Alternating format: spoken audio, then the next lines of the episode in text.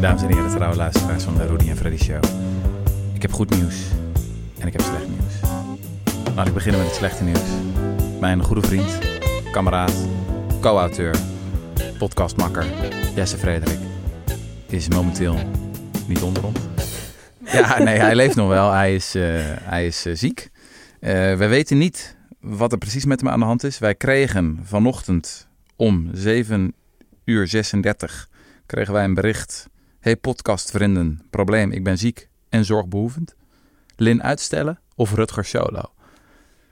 Toen heb ik even nagedacht. En toen dacht ik, misschien moet ik het toch doen. Rutger solo. Ik heb het nog nooit eerder gedaan in de geschiedenis van de Rudy en Freddy Show. Ik voel me een beetje, ja, hoe zeg je dat? Gespannen, een beetje eenzaam, onthand. Maar ik ga het toch proberen. En dat komt omdat de gast die wij hebben voor deze podcast, ja, ik keek hier zo naar uit. Dat, uh, dat mag gerust gezegd worden. Ik heb je boek, Lin, met rode oortjes zitten lezen. Er is zoveel waar we het over kunnen hebben. Ik heb een enorme berg aan aantekeningen. Ik zie dat jij het ook hebt meegenomen. Maar laat ik beginnen met een intro. Uh, Lin Berger, uh, ja, een trouwe kameraad al heel lang van de podcast. Je hebt de meest populaire aflevering ooit gemaakt. Waarvoor nog met, met ons, ja. Uh, waarvoor nog dank. Uh, wat was de titel ook alweer? Van, van kinderen word je ongelukkiger. Kinderen maken je niet gelukkig, maar je krijgt er wel heel veel voor terug. Ja, je krijgt er zoveel, zoveel voor met terug. hoofdletters voor terug. Ja, ja. Um, dat onderwerp doet blijkbaar iets met onze, onze doelgroep. Um, en jij hebt net een nieuw boek. Of hij komt volgende uh, week uit? 12 juli. 12 ja. juli verschijnt hij. De titel van het boek is... Zorg, een betere kijk op de mens. En het is een soort van totaal kijk op, volgens mij, een van de grootste thema's van deze tijd. Ik dacht, misschien moet ik hem aftrappen met een paar killerstatistiekjes. Die toen ik ze las, uh, ja, nogal een impact hadden.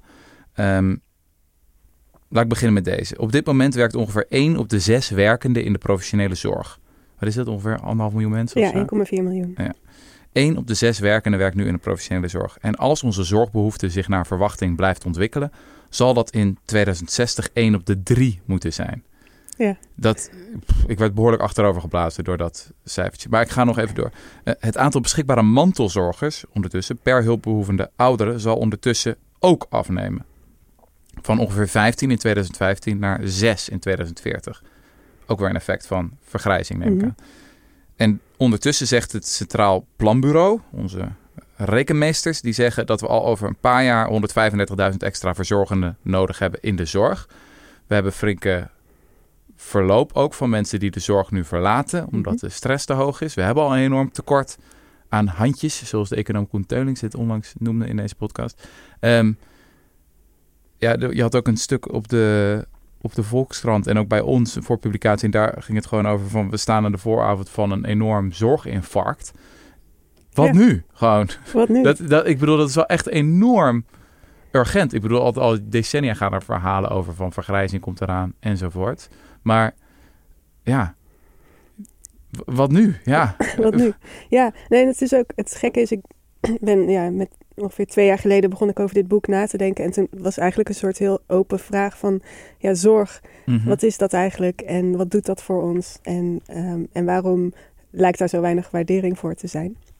Ehm, en nou, ja, ik ging dat uitzoeken en stuitte toen dus op al die statistieken die jij net opnoemde. Want die heb ik niet zelf boven het water gehaald. Die staan Mhm. in allemaal rapporten van de Wetenschappelijke Raad voor het Regeringsbeleid, van de Sociaal-Economische Raad, CBS, CPW, noem maar op. Mhm. Ehm, en ja, die, die, die formuleren dat dan allemaal vrij feitelijk. Van ja, dit, dit, dit zit, staat eraan te komen, we moeten het anders gaan doen. Ehm, maar als je het gewoon even op je laat inwerken, dan denk je dat is echt niet iets om rustig onder te blijven. Nee, nee. Het kan gewoon niet, toch? Het kan niet. Nee, het kan niet zo zijn dat één op de drie werkenden in de zorg werkt eh, in 2060. Het kan ook niet zo zijn dat één op de vier werkenden in de zorg werkt in 2040, want dat zou het dan moeten zijn. Ehm, dat is gewoon fysiek onmogelijk, want we hebben mensen ook nodig in andere sectoren. Ja, ja. Ehm, dus het gaat niet gebeuren. Het is alleen, de vraag is een beetje, wat gaat er dan wel gebeuren? Ja, ja, ja, ja, ja. Als we die schaarse zorgcapaciteit gaan verdelen, wat, wat zijn de consequenties daarvan? Ja. Maar je begint inderdaad je boek met eigenlijk het bijna een filosofische overdenking ook van wat is zorg nou eigenlijk? En komt tot de conclusie dat, ook al is het alomtegenwoordig, heel vaak missen we het. Beetje als de, de vis die in het water zwemt en zegt, ja, wat is water? Ja. Die weet niet wat water is, want die zwemt erin. Precies. Ja. ehm, nee, en het, hoe, het, hoe het eigenlijk begon is dat ik eh, drie jaar geleden eh, in de Loosdrechtse plassen ging zwemmen. En mijn voet openhaalde aan Mhm. een stapel betonplaten die daar op de bodem lag.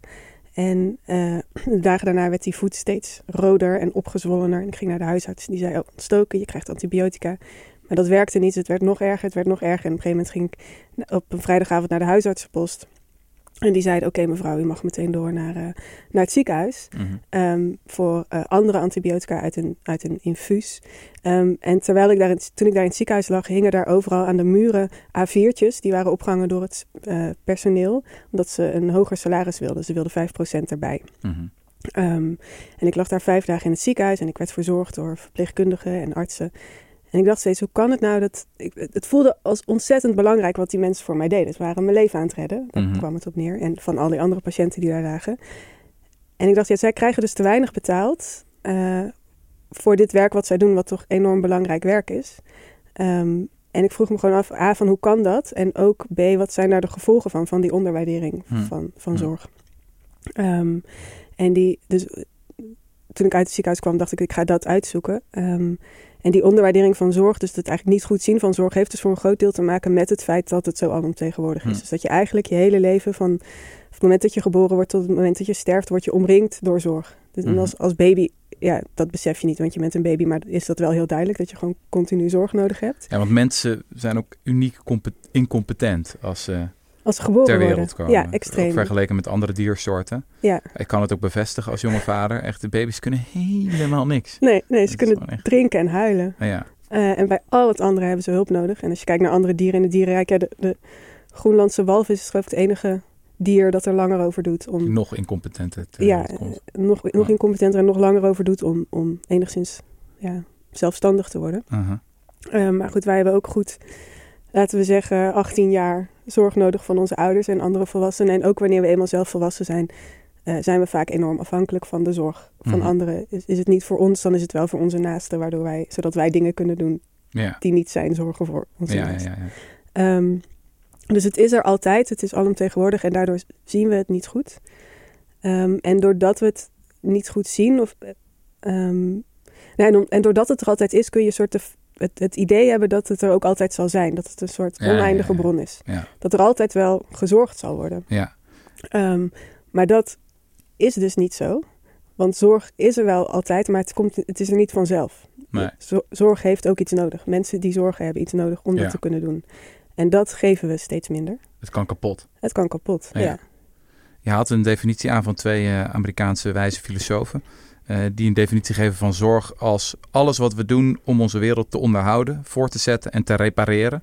Zodat we er zo goed mogelijk in kunnen leven. Toen dacht ik, dat is eigenlijk een, ik een wijze definitie, maar ook een heel brede definitie. Dan valt er zoveel onder eigenlijk. Ja. Ook ja, bijvoorbeeld de schoonmakers in het ziekenhuis. Dat zijn, er is één schatting, als ik me goed herinner, dat ongeveer de helft van de toename van de levensverwachting in de 20e eeuw komt door hygiëne. Ja. Dus in zekere zin zou je kunnen zeggen dat schoonmakers effectievere dokters zijn dan eh, hyper hoogopgeleide chirurgen. Gewoon puur in de bijdrage die ze leveren aan ja, dat we niet doodgaan. volksgezondheid. Eh, maar dat is ook weer zoiets wat je makkelijk over het hoofd ziet. Mhm. Ja, nee, het is zeker breed. En, en eh, onder die definitie valt bijvoorbeeld ook het onderhoud van muren en bruggen en kademuren en bruggen in de stad. Of Ja. het ophalen van vuilnis. Ja. Ehm, en, en aan de ene kant kan je soort ontmoedigd raken door zo'n brede definitie. Omdat je denkt, ja, dan valt er bijna alles onder. En als bijna alles eronder valt, dan valt er ook niks onder. Dan zegt het niks meer. Mhm. Ehm, aan de andere kant, ja, als je er even over nadenkt, is het wel waar. Zeg maar, het ziekenhuis kan niet draaien zonder die schoonmakers. Ja. En als de stad niet wordt onderhouden, ja, dan, dan kunnen wij ook niet meer gezond leven. Dus, dus het is ergens wel logisch dat die definitie zo, zo breed is. Ja, ja, ja. Ehm, Nou, ik had bijvoorbeeld een discussie eh gisteren eh, tot laat in de nacht nog op LinkedIn. Ja, die dingen gebeuren hier dan toch, hè. Ehm, en dan ging het over van, ja, kunnen mensen niet even, al die deeltijders in Nederland, kunnen die niet wat meer gaan werken? En wat mij dan altijd zo ergert, is die suggestie van dat die, dat die deeltijders niet iets anders aan het doen. Er is ook nog onbetaald werk daarnaast. ja, Dat wordt niet opgenomen in het bruto binnenlands product. Het draait niet bij aan de economische groei. Maar als, de, ja, als ze daarmee stoppen, dan hebben we wel een probleem. Vaak is dit dan ook nog eh, gegenderd natuurlijk. Dat vooral vrouwen dat onbetaalde werk doen. Ja. Terwijl we zeggen niet, er is sprake van een huishoudelijke deeltijdcultuur onder de mannen van Nederland. Nee. Dat zeggen we dan niet. Weet je. Ja, nee, dus het, eh, de grote misvatting is inderdaad dat mensen die deeltijd werken, dat ze dan de rest van de tijd ehm, op een yogamatje of in een hangmat of op een terras niks zitten te doen. Ja. Eh, de meeste mensen werken dan ook. En, en het werk wat ze doen is eigenlijk ook heel erg belangrijk werk, want dat is zorgen Ja. voor kinderen of voor naasten of voor de buurt. Ehm, en eh, het zijn, ja, vrouwen doen het merendeel van het onbetaalde werk in de wereld eh, en ook in Nederland. En eh, mannen doen meer betaald werk. En wat interessant is, als je in Nederland kijkt naar hoeveel tijd mannen en vrouwen kwijt zijn aan de optelsom van betaald werk en onbetaald werk. En dan onder onbetaald werk valt dan de zorg voor huishouden, voor kinderen en voor andere eh, naasten. Dan is, dan is dat ongeveer evenveel, ongeveer 50 uur in de week. ja. Ehm, maar voor ja, vrouwen besteden veel meer van die tijd aan onbetaald werk. eh, Ik vind dat wel echt even om bij te pauzeren en een streep onder te zetten. Het is evenveel. Ja, ja, Ik, ik, ik ook, we hebben toen zo'n podcast gehad met Sander Schimmelpenning. Het honderd keer gezegd. Het is evenveel. Mannen en vrouwen werken evenveel. ja. Evenveel, hoor je me? Het is evenveel. Het is alleen inderdaad eh, vaker onbetaald bij vrouwen. En sterker nog, dat is eigenlijk onrechtvaardig. Dat zou betaald moeten, moeten zijn in zekere zin. Misschien met een basisinkomen, misschien met wages for housework, zoals Ja. ze in de jaren tachtig zeiden. Ja. Maar het is niet zo dat vrouwen minder werken. Dat is niet zo. Nee. Nou, en in Nederland is het dan evenveel. In heel veel landen in de wereld werken vrouwen veel meer Ja. eh, nog dan mannen. Zijn ze gewoon veel meer tijd kwijt aan die optelsom. Dus in die zin is het, denk ik, nou, dan hebben we het in die zin nog redelijk eh, eerlijk verdeeld in Nederland. Behalve dan dus dat Oh, dat ja, de financiële beloning niet, eh, niet even, evenredig is. En het probleem is gewoon dat, nou, doordat vrouwen meer onbetaald werk doen, ze ook minder verdienen. Dus op jaarbasis 36% minder dan mannen. Omdat ze vaker deeltijd betaald werken. eh, omdat ze vaker, in, als ze betaald werken, in sectoren werken, zoals de zorg, waar het salaris een stuk lager ligt dan Mhm. in andere sectoren. Eh, en ook nog deels omdat er gewoon ouderwets ge- geloondiscrimineerd wordt tussen Ja. mannen en vrouwen. Ja. Ehm, en daardoor zijn vrouwen minder financieel onafhankelijk. Ehm, dus het werkt gewoon een enorme ongelijkheid Ja. in de hand. Ja, of dat ze deeltijd moeten werken omdat een voltijdsbaan simpelweg te zwaar is. Ja, Heel vaak heb je in het onderwijs en de zorg ook deeltijdsbanen die eigenlijk voltijdsbanen ja, zijn. ja, het is gewoon een soort zelfbescherming. Ja. Ehm, ik geloof dat huisartsen, eh, als ze voltijd zouden werken, dan zouden ze, wat is het, 59 uur in de week werken. Ja. Dus de meeste werken dan deeltijd tussen aanhalingstekens. dan Ja. houden ze het ongeveer rond de 40 uur. Ja, ja, ja, ja, ja. En je haalt in het begin van je boek haal je ook een aantal interessante theorieën aan vanuit de evolutionaire psychologie over dat de zorg soort van de geheime superpower is van de mens. En die misschien ook verklaart waarom wij de wereld hebben veroverd. In plaats van dat de Neandertalers dat hebben gedaan. Je hebt zo'n uitspraak van Margaret Mead, de antropoloog. Die zei de beschaving begint op het moment eh, dat, wat was het ook weer? We de eerste geheelde botbreuk zien. Het verhaal gaat dat iemand ooit vroeg aan Margaret Mead van wanneer is de menselijke beschaving begonnen? Mhm. Welke archeologische vondst toont het begin van de menselijke beschaving aan? Ja. En dan zou je denken, ze zegt een speer of ze zegt een godtekening of ze zegt nou, een of ander eh, zo'n soort object. En, maar ze zei, ehm, een ge- ze noemde, ze zei nee, het is niet een speer, het is niet een godtekening, het is een bot. Een dijbeenbot van 15.000 jaar oud. Dat is gevonden bij een opgraving. Eh, en dat gebot was gebroken geweest, maar het was weer geheeld. En wat ze zei was, zo'n eh, ja, zo'n botbreuk is eigenlijk een doodsvonnis. Want op het moment dat je, je been gebroken is, kan je niet eh, eten halen, je kan geen Mhm. drinken halen, je kan niet wegrennen als je aangevallen wordt. Ehm, en lang voordat dat bot weer is hersteld, ben je gewoon dood. Ja. En zegt op het moment zo'n een, een bot dat gebroken is en daarna weer is geheeld, betekent dat er iemand in de buurt is gebleven bij jou om voor jou te zorgen. Iemand die water voor je heeft Ja. gehaald, die eten voor je heeft Ja. gehaald, die je heeft beschermd. En dat, die bereidheid om voor een ander te zorgen, ook dat vermogen om, om voor een ander te zorgen, dat is het beginpunt van de beschaving. Ja, Eh, wat ik een hele mooie, mooie anekdote Ja, vond ik ook mooi. hè. Ik ben wel benieuwd wat Frans de Waal zou zeggen. Of hij dan niet ook voorbeelden heeft van dieren die ook Ja, voor elkaar zorgen en elkaars botbreuken hebben. nou ja, ze zegt ook niet dat, dat eh, dieren dit niet doen. Nee, misschien heb je ook beschaafde dieren in die zin. Ja, Ehm, maar ik, ik wou je even op doorgaan, omdat je schrijft ook op, op pagina 33 van je boek dat die, ehm, hoe zeg je dat, dat coöperatieve model van mensen die zorgen samen voor elkaar, dat dat iets onderscheidends is. Dus ik, ik citeer heel even hoor. Andere mensapen zijn een stuk bezitteriger. Chimpansees, gorilla en orang-oetangs dragen hun baby na de geboorte maanden bij zich en laten niemand anders in de buurt komen. Maar wij mensen doen aan wat Hardy, dat is zo'n antropoloog, primatoloog. eh, ja. primatoloog, eh, coöperatieve broedzorg noemt. De zorg voor kinderen is een taak van ouders en van een rijke schakering aan hulpouders. Dus de theorie is hier ook van die coöperatieve broedzorg is dat mensen zo goed samen voor elkaar en ook voor hun kinderen zorgen, is dat ze daarmee hebben geleerd om op grotere schaal samen te werken. Ja, de theorie is.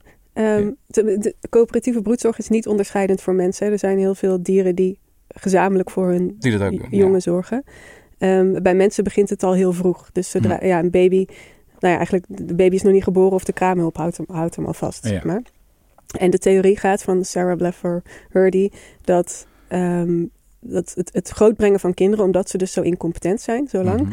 eh, is ontzettend veel werk. En omdat het zoveel werk is, kan een moeder dat nooit in haar eentje doen. En al helemaal niet als ze na twee of drie jaar nog een kind wil. Mhm. Dus al heel vroeg in onze evolutie zijn mensen die zorg gaan delen met andere volwassenen. Eerst vooral met nou, grootmoeders en tantes en later ook met vaders en met nog meer uh, stamgenoten. En wat zij zegt is de, de soort de psychologische vaardigheden die je nodig hebt om gezamenlijk te kunnen zorgen. Dus je moet um, empathisch zijn, je moet je kunnen inleven in een ander, je moet uh, ja, de aandacht weten vasthouden van iemand. Die zijn daardoor zo sterk um, doorgeëvalueerd dat we op steeds grotere schaal konden samenwerken met elkaar. Ja. Um, ja, ik vind het een heel, een heel lekker verhaal. Het, het, het evolutionair psychologische verklaringen hebben natuurlijk altijd een beetje de neiging om te gaan zeggen: het was het vermogen om te zorgen, of het was het vermogen om samen te mhm. werken, of het was onze duim, weet ik veel, die al bepalend is geweest voor de evolutie. En dat is natuurlijk ja, waarschijnlijk niet waar. Er zijn gewoon altijd een heleboel factoren die de evolutie bepalen, maar dit, dit is er ook één. Nee, en dat baby's zoveel zorg nodig hebben, dat is natuurlijk wel heel evident en iets heel kenmerkends voor de mensen. En het is inderdaad opvallend dat dan bij uh, gorilla's en orang-oetangs en chimpansees dat die um, ja, wat bezitteriger zijn. Maar ik dacht tegelijkertijd van, zijn wij in de moderne 21ste eeuw niet meer als die chimpansees en die gorilla's en die orang-oetangs mm. aan het worden? We zijn, ze zeggen altijd van, it takes a village to raise a child. Maar ja. dan moet je die village wel vertrouwen. En dan moet je misschien ook niet het idee hebben dat jij als, als ouder, als vader of moeder altijd weet wat het beste is voor je kind. Tenminste, ik zat het te lezen en ik dacht mm. van, doen we dat eigenlijk nog wel? Is dat nog wel zo voor het moderne ouderschap? Dat we het samen doen met z'n allen? Of zitten we allemaal in onze silootjes, in onze eigen huishouden waar we het zelf... Ja. Uh, nou, ik, denk dat het antwoord op die vraag erg afhangt van welke sociaal-economische groep, welke wijk je gaat kijken. Mhm. Ehm, maar het is zeker zo dat, nou ja, sinds de, ik wil de afgelopen eeuw het kerngezin nogal centraal is komen te staan als de eenheid waarbinnen kinderen worden opgevoed. En dus mhm. dan niet door de village, maar door de twee ouders of mhm. door de ene ouder. Ehm, en op zich besteden we die zorg nog steeds uit, want we sturen onze kinderen naar de crash. We hebben een oppas of ze gaan naar school. Ik denk eigenlijk school is ook een vorm van de zorg uitbesteden voor, voor, je kind. Ehm, maar er is wel eh, in de loop van de afgelopen eeuw, anderhalve eeuw, heel erg het idee ontstaan dat het vooral ouders zijn die het zelf moeten doen. En meer nog dan ouders, moeders, die ehm, het best voor hun kind kunnen zorgen en die dat dus ook ja, die ook degene zijn die dat zouden moeten doen. En het gevolg daarvan is dat, um, dus voor het boek interviewde ik ook een vrouw, een alleenstaand moeder van drie kinderen. En ik dacht van ja, hoe in godsnaam zorg je in je eentje voor drie kinderen? Weet je, we zijn mhm. met z'n tweeën met twee kinderen en ik vind het al uh, bijna niet te doen. Ja. En zij zei, nou ja, dat doe je niet in je eentje. Ze had hulp van de vader en van een uh, oppasouder en, en, en van de crash en school enzovoort. Um, maar ze zei ook, ik vind het wel lastig elke keer om om hulp te vragen. Toen vroeg ik, ja, waarom dan? En toen zei ze, ik heb toch het idee dat ik het in mijn eentje moet doen. Dat ik ben, heb ervoor gekozen om die kinderen te krijgen. Dus ik ben verantwoordelijk voor die zorg. Um, en ik denk dat dat gevoel wel meer dan ooit zich genesteld heeft in de hoofden van een, ja, een grote groep ouders. Ja, ja, in plaats van dat er nieuwe burgers van de staat Nederlanden zijn geboren, waar we allemaal een beetje verantwoordelijk zijn. Ja, het is toch ook gewoon, uh, ja, het, het, het, het kan niet in je eentje. En, en het is ook het, het, impliceert een beetje inderdaad van nou, je hebt zelf voor gekozen om kinderen te krijgen als een soort lifestyle keuze. Um, dus zijn ze helemaal jouw verantwoordelijkheid. Terwijl die kinderen zijn natuurlijk ook een publiek goed. Mm In de zin dat ze um, goede vrienden worden, aardige buren, uh, verpleegkundigen, leraren.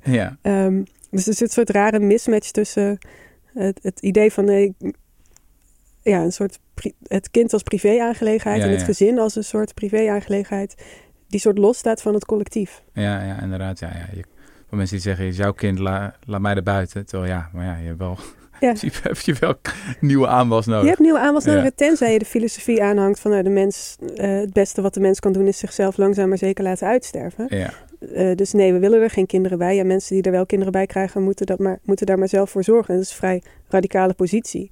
Die kan je innemen, maar zolang je die niet inneemt, dan, ja, ja, dan willen we toch nieuwe generaties. ja, ja.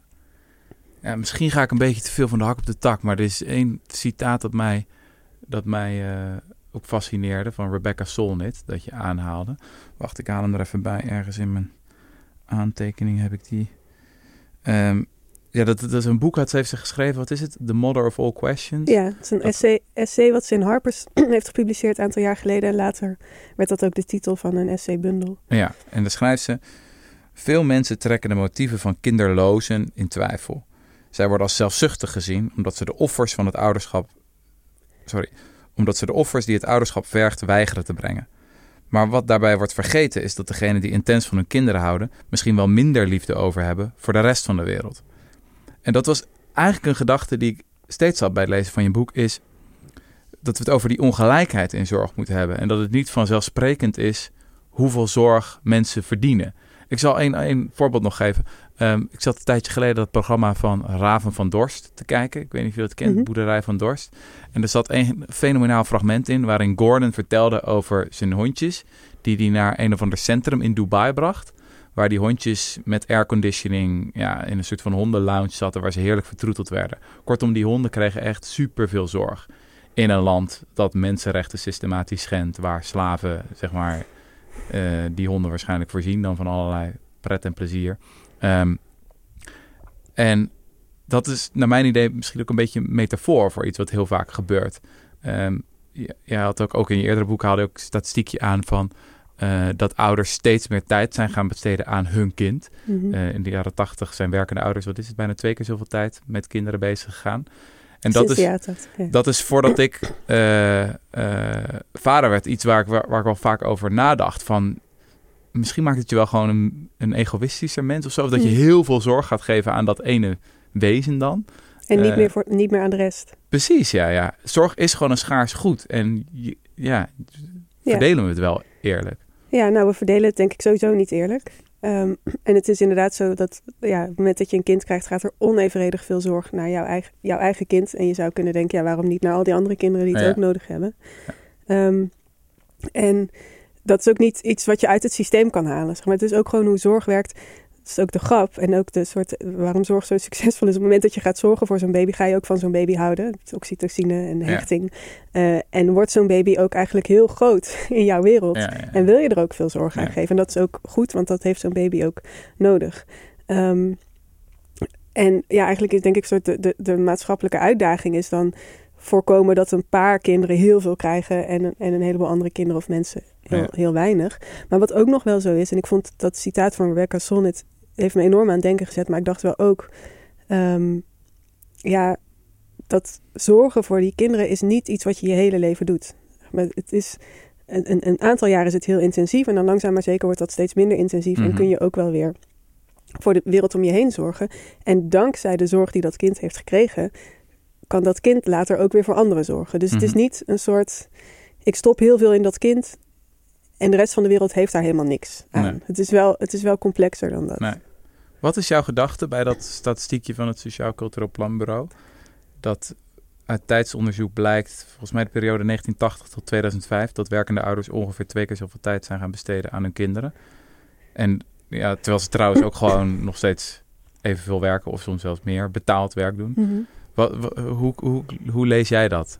Is dat goed dat we dat zijn gaan doen? Is dat dat we kinderen zijn gaan verwennen en, en rond gaan rijden overal? Wa- wa- wat gebeurt hier? Ja, en eh, ik, ik denk, ehm, en dat heb ik niet helemaal zelf bedacht, maar er is een boek van twee economen dat heet Money, Love and Parenting, als ik het goed heb, die eigenlijk hebben onderzocht hoe de ehm, economische toestand van een land van invloed is op de opvoedstijlen die ouders erop nahouden. Hm.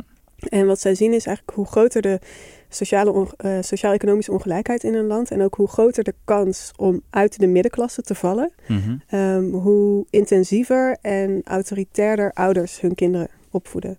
En dat is eigenlijk heel logisch, want op het moment dat de, dat de kans vrij groot is dat jij ehm, buiten de boot valt. En Mhm. op het moment dat het gewoon heel belangrijk is dat je een hoge cijfers haalt, dat je goed beslagen ten ijs komt, dan gaan ouders meer investeren eh, in, in een kind dan wanneer het Hmm, hmm, Ehm, hmm. wanneer, de, wanneer de kans op falen wat kleiner is, of ja, falen tussen aanhalingstekens, of wanneer er gewoon een groter sociaal vangnet is voor mensen die niet op de toppen van hun kunnen Hmm. presteren. Dus, dus het ik is denk- toch weer dat verrekte neoliberalisme.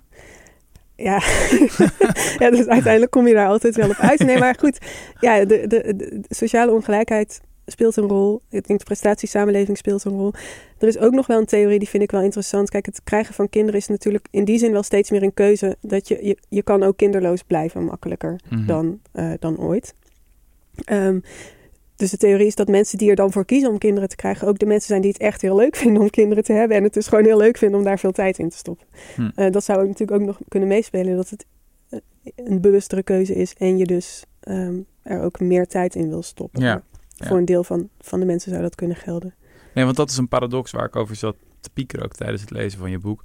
Dat je enerzijds schrijf je over de neiging van het kapitalisme en ons moderne economisch systeem om de zorg te ondermijnen.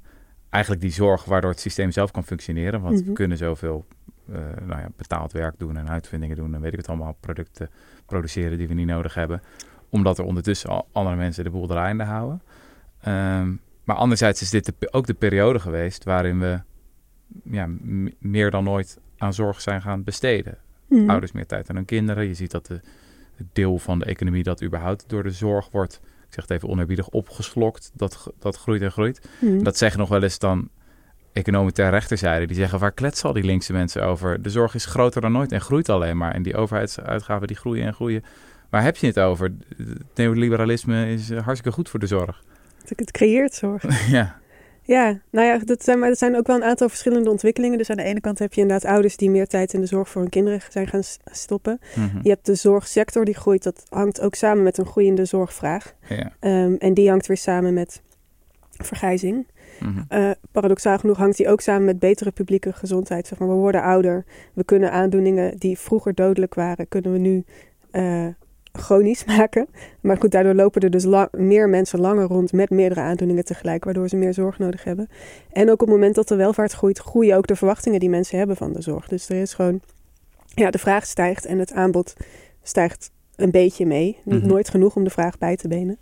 Ehm, dus dat zijn, ja, dat zijn allemaal wel verschillende ontwikkelingen. Ik weet niet of je ze zo plat kunt slaan en kunt zeggen... Ja, nou, neoliberalisme en ja, het ja. kapitalisme hebben het goed, eh, goed gedaan. Je hebt zo'n economische wet, dat eh, wordt de wet van Baumol genoemd. Ja.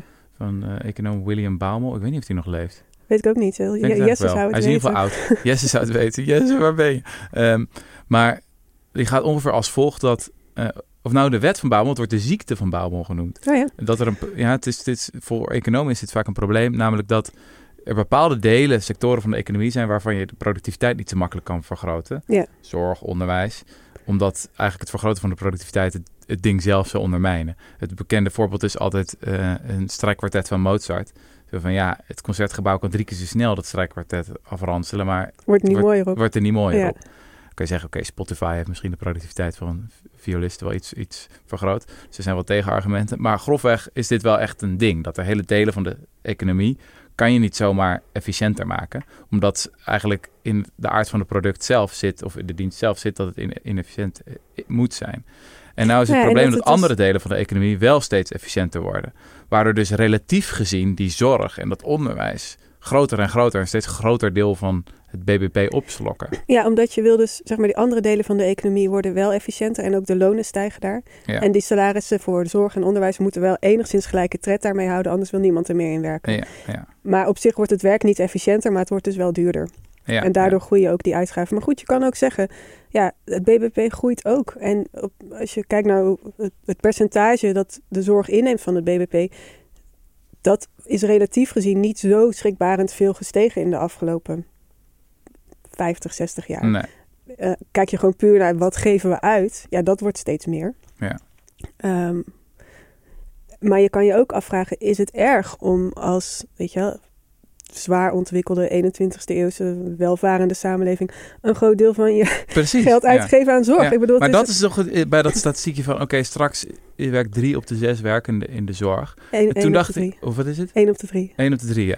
Toen dacht ik, misschien is dat juist goed. Hmm. Misschien is het juist, moeten we dat juist om- omarmen. Eh, kan is het niet meer in de, de ziekte van. Baumol, maar is het de zegen van Baumol? Hmm. Namelijk dat naarmate je rijker wordt en de technologie steeds geavanceerder wordt en we straks misschien kunstmatige intelligentie hebben die allerlei werk hebben overgenomen, kunnen wij het ons permitteren om dat echt menselijke werk, dat echt zorgende werk, dat nou eenmaal niet zo goed door een robot gedaan kan worden, dat wij dat steeds meer gaan doen. En misschien is dat wel de toekomst van de, van de economie, dat alle economie zorg is geworden. Omdat de rest is overgenomen door algoritmes en robots en weet ik wat allemaal dat we het helemaal niet zo moeten zien als een, als een ziekte, maar als iets. Want inderdaad, als je kijkt naar de meer beschaafde, rijkere landen, ja, die geven relatief gezien een, een hoog percentage aan zorg. Misschien Mm. is het helemaal geen probleem. Nee, ja, het ligt dus aan wat je, wat je, belangrijk, wa- wat je hoger aanslaat. Zeg maar. Is het productiviteit of is het zorg? Eh, als, als je zegt, nou, ik vind zorg belangrijker, dan is dat niet zo'n heel schrikbarend beeld. Hoewel één op de drie, ja, je moet ook nog mensen hebben die in het onderwijs werken bijvoorbeeld. Maar er moet wel, niet alles kan eraan opgaan. Tuurlijk, ja. Nee, maar dan zou ook Ehm. onder, onderwijs natuurlijk groeien. Maar ik bedoel, neem het als landbouw. In 1800 werkte 80% van de bevolking in de landbouw. Ja.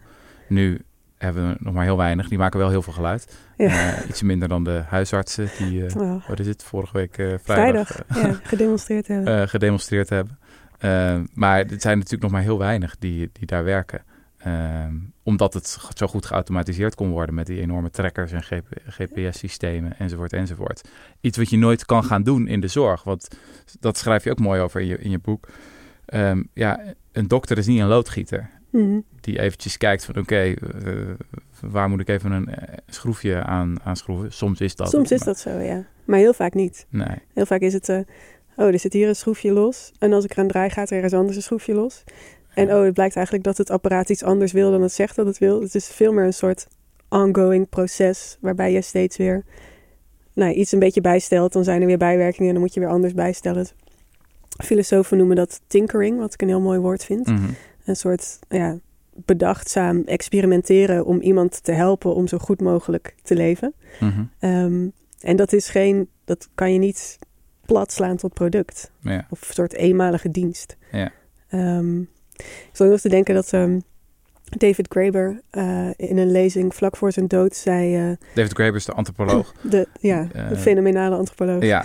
Ehm, en die gaf een lezing vlak voor zijn dood waarin die zei... nou, economen hebben het altijd over, ja, over werk en over productiviteit. Eh, maar hij zei, als je gaat kijken wat de, wat de meeste mensen die, die betaald werk doen, wat die doen, ehm, dat is eigenlijk niet, die zijn niet productief bezig, maar die zijn bezig met zorgen. Want als jij een weg aanlegt, dan Mhm. zorg je dat mensen van A naar B kunnen. Ehm, als je een auto maakt, dan zorg je dat mensen dat in de auto kunnen doen. Hij zei eigenlijk het grootste deel van wat, wat, wat we dan, wat economen productiviteit noemen, is eigenlijk een vorm van zorg. Dat is eigenlijk al waar de meeste mensen mee bezig zijn. Ja. Dat vond ik ook weer zo net als met die definitie van die twee filosofen. Ehm, dat ik dacht, oh ja, je maakt, aan de ene kant maak je zorg daarmee zo groot. Dat, dan is alles zorg als een soort ballon die maar op blijft blazen tot, Mhm. die, tot die knapt. Eh, maar het is ook zo net die blikverandering waar- waardoor je ineens kan denken, oh ja, wat vinden we nou eigenlijk het belangrijkste? Wat, Ja, ja, wat ja, waarderen we? Ik kan me ook herinneren dat je al, wat is het, een paar jaar geleden zo'n stuk had over dat we heel vaak focussen op de innovators en de game changers en weet ik veel, de mensen die met iets nieuws komen. Eh, terwijl misschien moeten we ook de focus hebben op de onderhouders. Er was ook zo'n wetenschappelijke conferentie toen, toch? Ja, het, is een hele leuke club wetenschappers. Ik zit, eh, ik zit op een mailinglist, de maintainers. Eh, de maintainers. ja. sociologen en psychologen Ja. en eh, ik veel techniek, historici en filosofen. Die zeggen, en terecht, en we staan ons helemaal blind op innovatie. Maar als je gaat kijken naar welke activiteit ons leven het meest vormgeeft, ons dagelijks leven, is het onderhoud. Want je bent gewoon zelf de hele dag door bezig met je lichaam te onderhouden. Ehm, een nieuw eh, gevechtsvliegtuig wordt één keer in de 30 jaar ontworpen. En vervolgens ben je als technicus waarschijnlijk dat gewoon aan het onderhouden. Ja. Ehm, dus onderhoud speelt een veel belangrijkere rol in ons leven dan innovatie. Is ook een belangrijke voorwaarde voor innovatie. En aan inno- innovatie heb je niks als er niet vervolgens onderhoud wordt gepleegd. Ja. En, en zorg en onderhoud lijken natuurlijk heel erg op elkaar. En dat in de zin dat ze dus allebei niet op het, nou ja, niet soort tot een direct nieuw product leiden, maar juist eigenlijk in stand houden wat er al is. Ja, Eh, daardoor ook minder gewaardeerd worden, niet opvallen. ja, Ehm, en vaak dus ook, ja, er, er wordt ook vaak da- daardoor niet genoeg in geïnvesteerd. ja, ja. Ja, en het valt niet op totdat het wegvalt. Precies. Daarom ja. zijn de stakingen van deze beroepsgroepen ook altijd zo effectief. Zijn heel effectief, maar ze zijn- vinden bijna nooit plaats. Omdat ze te pijnlijk zijn. Precies. Ik, ik sprak een IC-verpleegkundige die, die zei: Ja, we, we klagen al jaren over onze salarissen. Maar we gaan niet staken, want op het moment dat ik staak, is binnen een uur zijn drie van mijn patiënten dood. Ja. Ga je niet doen.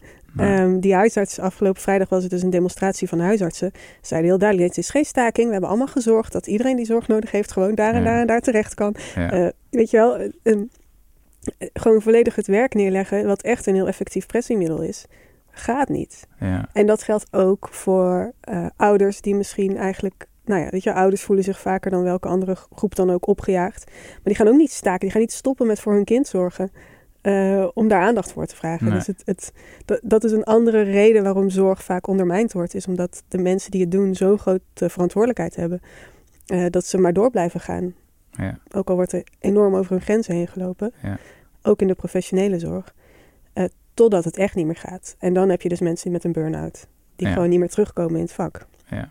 Wat zonde is. Want ze hebben enorm veel ervaring en expertise en kennis ja. opgedaan. Die ze dan niet meer in kunnen zetten. Ja. Wat is een beetje de, de stemming die je overhield aan het schrijven van het boek? Zeg maar, hoe, hoe hoog is de nood? Want ik bedoel, ik ga, ik ga al heel lang verhalen natuurlijk rond over...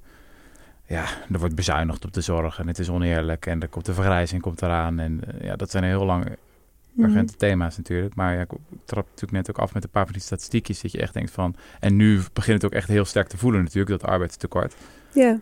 Nou, ik, ik ben op zich echt een niet alarmistisch ingesteld persoon. Ik geloof dat Mhm. een van de eerste stukken die ik schreef voor de correspondent acht jaar geleden ging over het begrip crisis. Mhm. Eh, en dat, ik- dat dat eigenlijk te, te gemakzuchtig werd gebruikt. Ik was Mhm. soort tegen het woord crisis.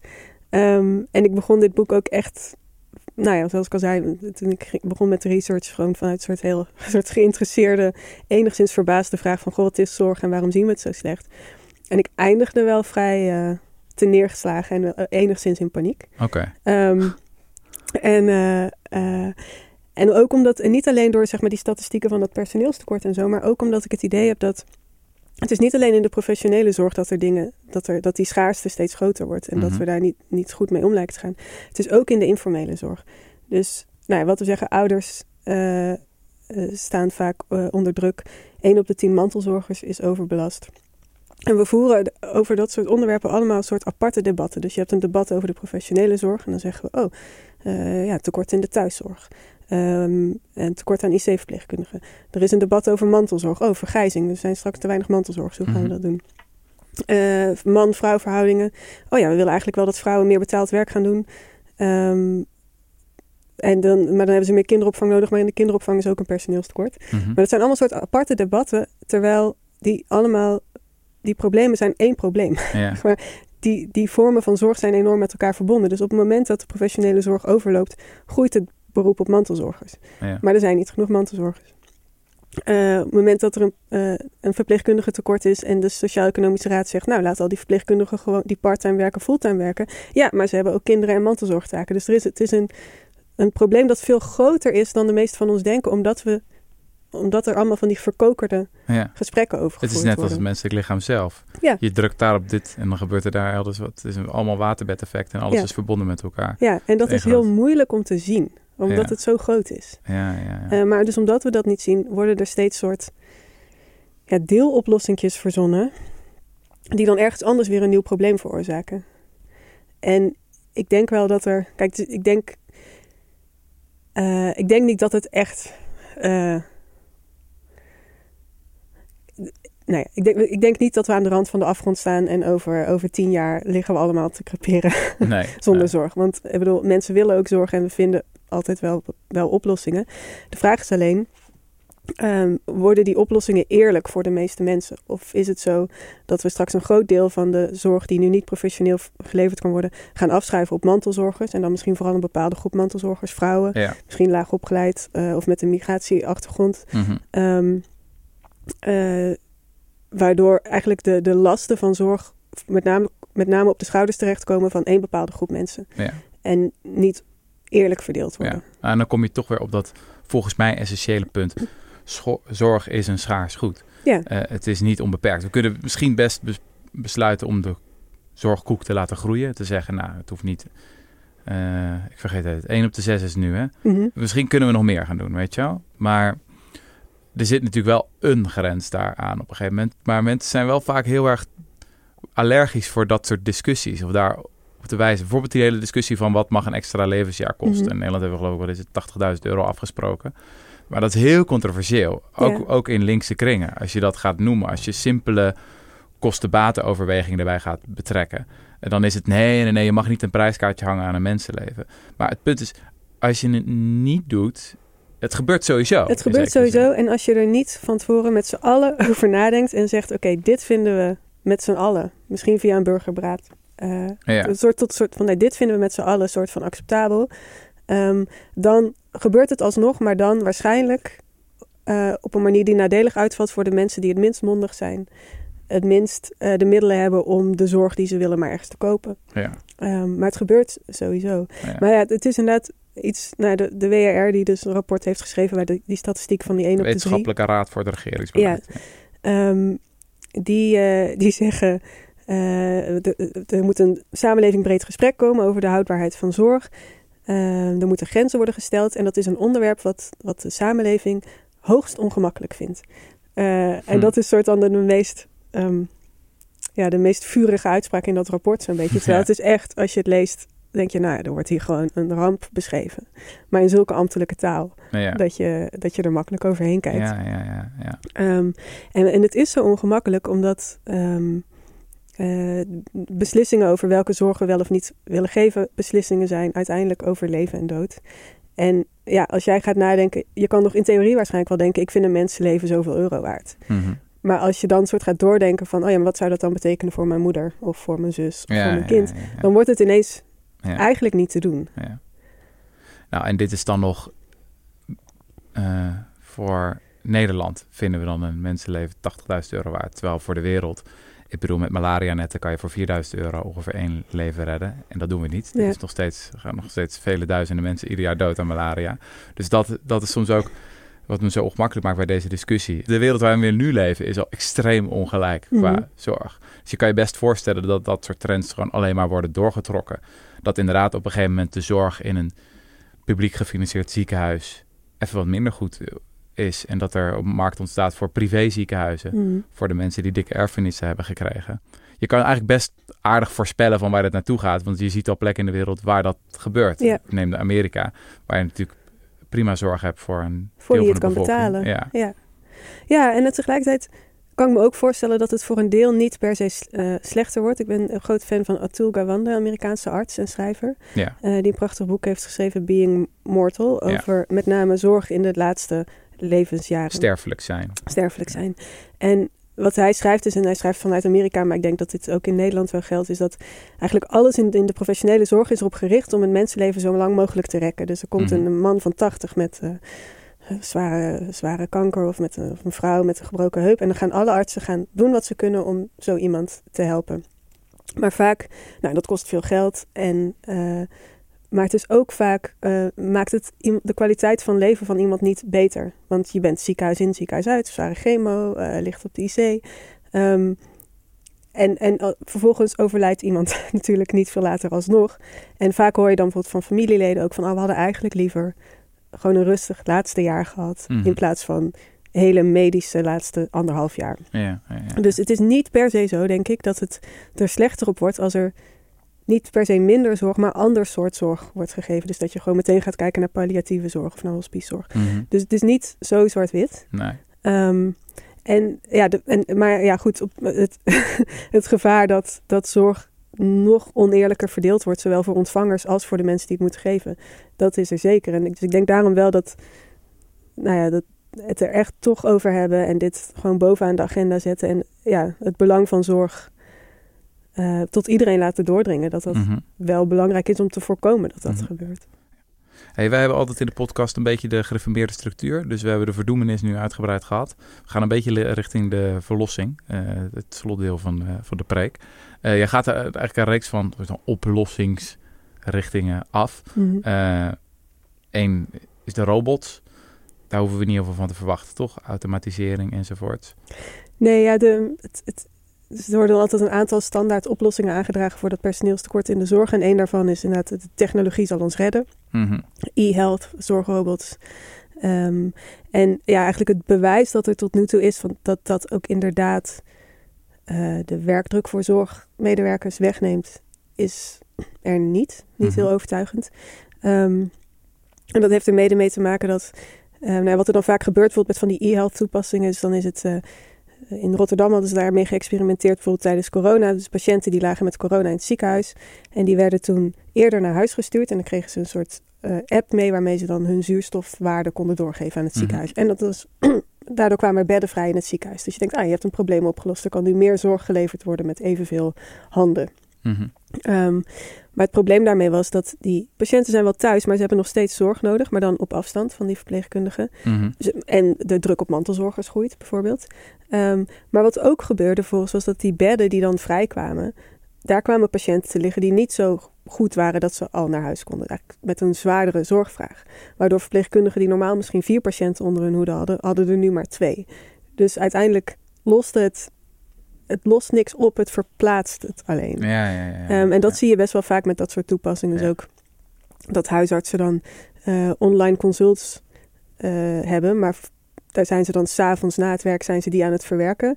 En nodigen misschien alsnog de helft uit om langs te komen op de praktijk. Ja. Oké, eh, preventie dan. Gaat dat ons redden?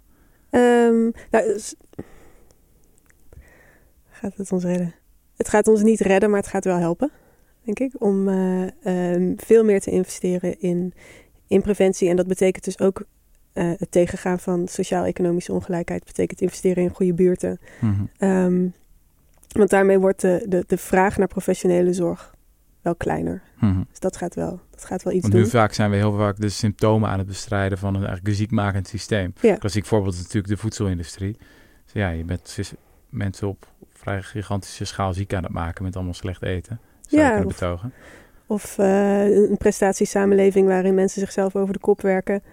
En vervolgens met een depressie in het zorgsysteem belanden. Ja, ja, ja. Dat, dat- Al dacht ik hier ook alweer van, preventie is natuurlijk op zichzelf iets heel goed. Je, je citeert volgens mij in, in het boek statistiekje van 2% van het zorggeld gaat naar preventie. ja, Terwijl waarschijnlijk de winst in termen van extra levensjaren zou gigantisch kunnen zijn. ja, maar goed, je kunt je ook weer afvragen... oké, dan investeren we in preventie. Dan worden mensen ouder. Ja, ja. En hebben ze alsnog... Je verplaatst het probleem. Ja. Dus het is wel goed op zich, maar het is niet dat je dan het probleem hebt opgelost dat er ineens geen zorg meer Nee, nodig en is. dat geldt voor al die oplossingen. Er is geen panacee. Nee. Maar er zijn wel, maar er zijn wel een heleboel ehm, ja, terreinen... waarop je dingen anders kan doen die een beetje helpen. Ja.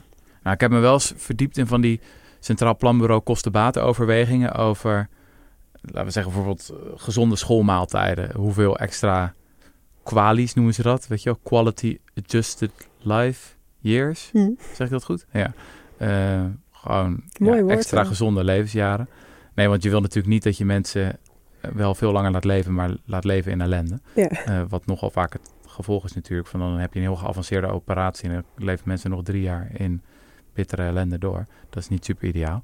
Eh, maar heel veel van die preventieinterventies, die, ja, die zijn echt geweldig. Die kosten echt geen, geen flap en leveren superveel op. Ja. Eh, maar ja, het is, het is onzichtbaar weer, weet je wel, de baten daarvan. Ja, dat is de, preventieparadox. Je kan Ja. niet aantonen hoeveel levens je gered hebt met gezonde schoolmaaltijden. Je kunt wel aantonen hoeveel levens je gered hebt in het ziekenhuis. Ja, Dus, Ja. dus Ah, het je is- kan het alleen maar op een abstracte manier aantonen in een Excel-sheet. Ja. Zo van, we zien wel dit effect. En het is wel heel plausibel dat... Ja. Ja. Oké, ehm, derde oplossing dan. Migratie. Is dat niet gewoon wat er gaat gebeuren? Dat er gewoon grote vliegtuigladingen vol met... Ja, dat, dat zit ik wel...